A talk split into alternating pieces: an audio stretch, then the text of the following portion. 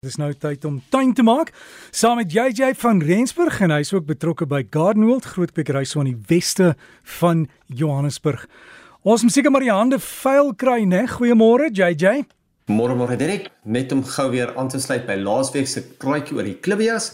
Ek het 'n paar mense gehad wat wou weet hoe gereeld mense klivias moet nat gooi en natuurlik ook hoe 'n mens die blomme moet bestuif. Ek het ons laasweek gesê dat mense eerder die plante moet nat lê as wat jy dit oorhoof so nat spuit as jy wel wil saad hê, maar daar is so baie mense wat eintlik kruisbestuiving tussen hulle verskillende klivia blomme wil doen. Dit is eintlik baie maklik om dit te doen, maar kom ons begin gou eers by die water. Dit hang alles af van die grond sowel as die area waarin die klivia staan en ook die stadium waarin die klivia hulle self bevind. As jou grond kleierig is, gaan jy niks meer as een keer 'n week of so nat maak nie. As jou plante meerendeel skaduwee kry, sal een keer 'n week ook voldoende wees, maar as jou plante in blom is of as jou plante in potte is, of natuurlik as die grond baie goed dreineer, dan kan 'n mens probeer om dit ten minste 2 keer 'n week of dubbel die hoeveelheid tyd nat te maak, dubbel die kere.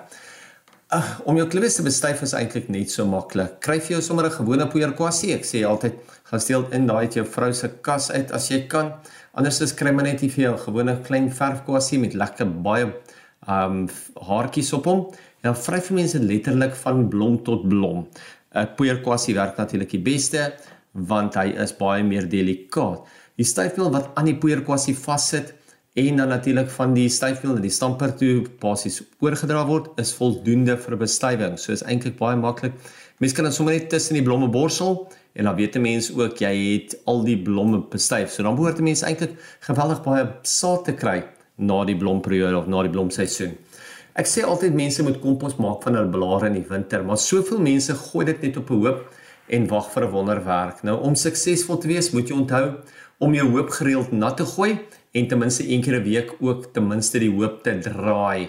Onthou, dit is wanneer hulle wat wat jy om deur werk, jy, jy vat 'n vurk en jy draai basies die hele hoop om of jy werk om lekker deur want hy moet belig word. Die rede natuurlik vir die water en vir die draai is om die kompos te deurlig sodat nog vinniger kan afbreek. So onthou om dit ten minste een keer 'n week al twee daai prosesse te volg en dan weet jy jou kompos gaan sommer lekker vinnig ontwikkel. Dis nou tyd om ons wintersaailinge saad te oes en dit die grond lekker om te werk met genoegsame kompos en sommersaailinge jou sommer jou somersaailinge te plant. Jammer, amper sê ek sommersaailinge te plant. Ek sê altyd mense moet nie te haastig wees nie, maar is nou die regte tyd om dit te doen want die dae is lekker warm. Ek weet hulle praat van nog so 'n koue front of wat wat oor die land gaan kom, maar kom ons hoop dit gaan nie te koud wees nie. Maar so ook is die aandtemperature ook al klaar lekker warm. So dit is nou die regte tyd om dit te doen. As jy jou saailinge nog nie heeltemal um laat klaar blom het nie of as hulle nog nie heeltemal uitgeblom het nie of as jy die saad wil oes, kan jy ook eers ontspan en dit miskien so oor 2 weke of 'n maand of wat kan jy dit uithaal. Maar as jy nie noodwendig as jou plante al klaar begin warm kry want ek weet baie van die primulas, die hele blommetjies kry al klaar lekker warm. Baie van jou gesiggies lyk nie meer soos mooi wat hulle so mooi so wat hulle gelyk het in die winter nie. So ja, as jy reg is om nou oor te plant, kan jy dit sommer nou al doen. So ek kry altyd ook die vraag as is kompos regtig goed genoeg? Dink 'n mens, dink jy dit is nodig om kompos wel elke jaar in beddings in te werk? En dit is eenvoudig. Ja, dit is. Onthou, ons wil die beste wat ons plante het hê. Ons wil die meeste uit ons plantjies uit hê, ons saailinge uit hê. En as jy nie gereeld nuwe kompos in die grond gaan inwerk nie, gaan jou saailinge nie so goed groei nie. As jou grond lekker hard is of dor is, as jou grond nie baie veerkrag het nie, wat natuurlik sponsagtig is nie, of as jy baie gereeld moet nat gooi, kan jy die grond se struktuur heeltemal verbeter met die bygevoeging van organiese materie en in hierdie geval is dit nou kompos. Die nodige hoeveelheid kompos word bepaal deur hoe gereeld jy dit doen en natuurlik ook wat jou tuin benodig.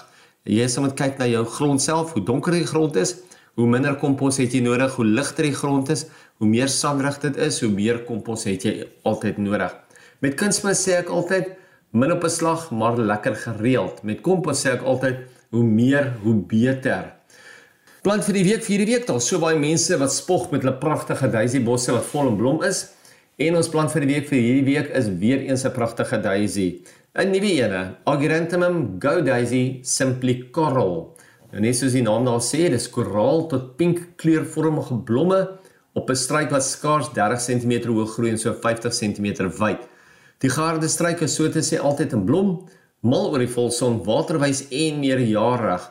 So as jy 'n lekker kleurvolle struik soek vir jou tuin of 'n fillerplant soek vir jou tuin, kyk bietjie uit vir hierdie daisy bos, 'n uh, Ageranthemum, uh Go Daisy, die Simply Coral, Simply of eenvoudige koraalkleur. Lekker tuin maak. Ek JJ Ager, as jy nou daai name heeltemal kan uitspreek nie, ons plaas vir jou die inligting van ons plant van die week op die Breakfast Facebook bladsy. Jy kan dit daar kry. JJ het ook 'n bladsy Gardens by JJ. Jy kan aansluit by sy groep. Kry die inligting en daar's ook fotos en al die raad waaroor ons nou gepraat het. Jy sluit daar kry en dan kan jy jou tuin geniet.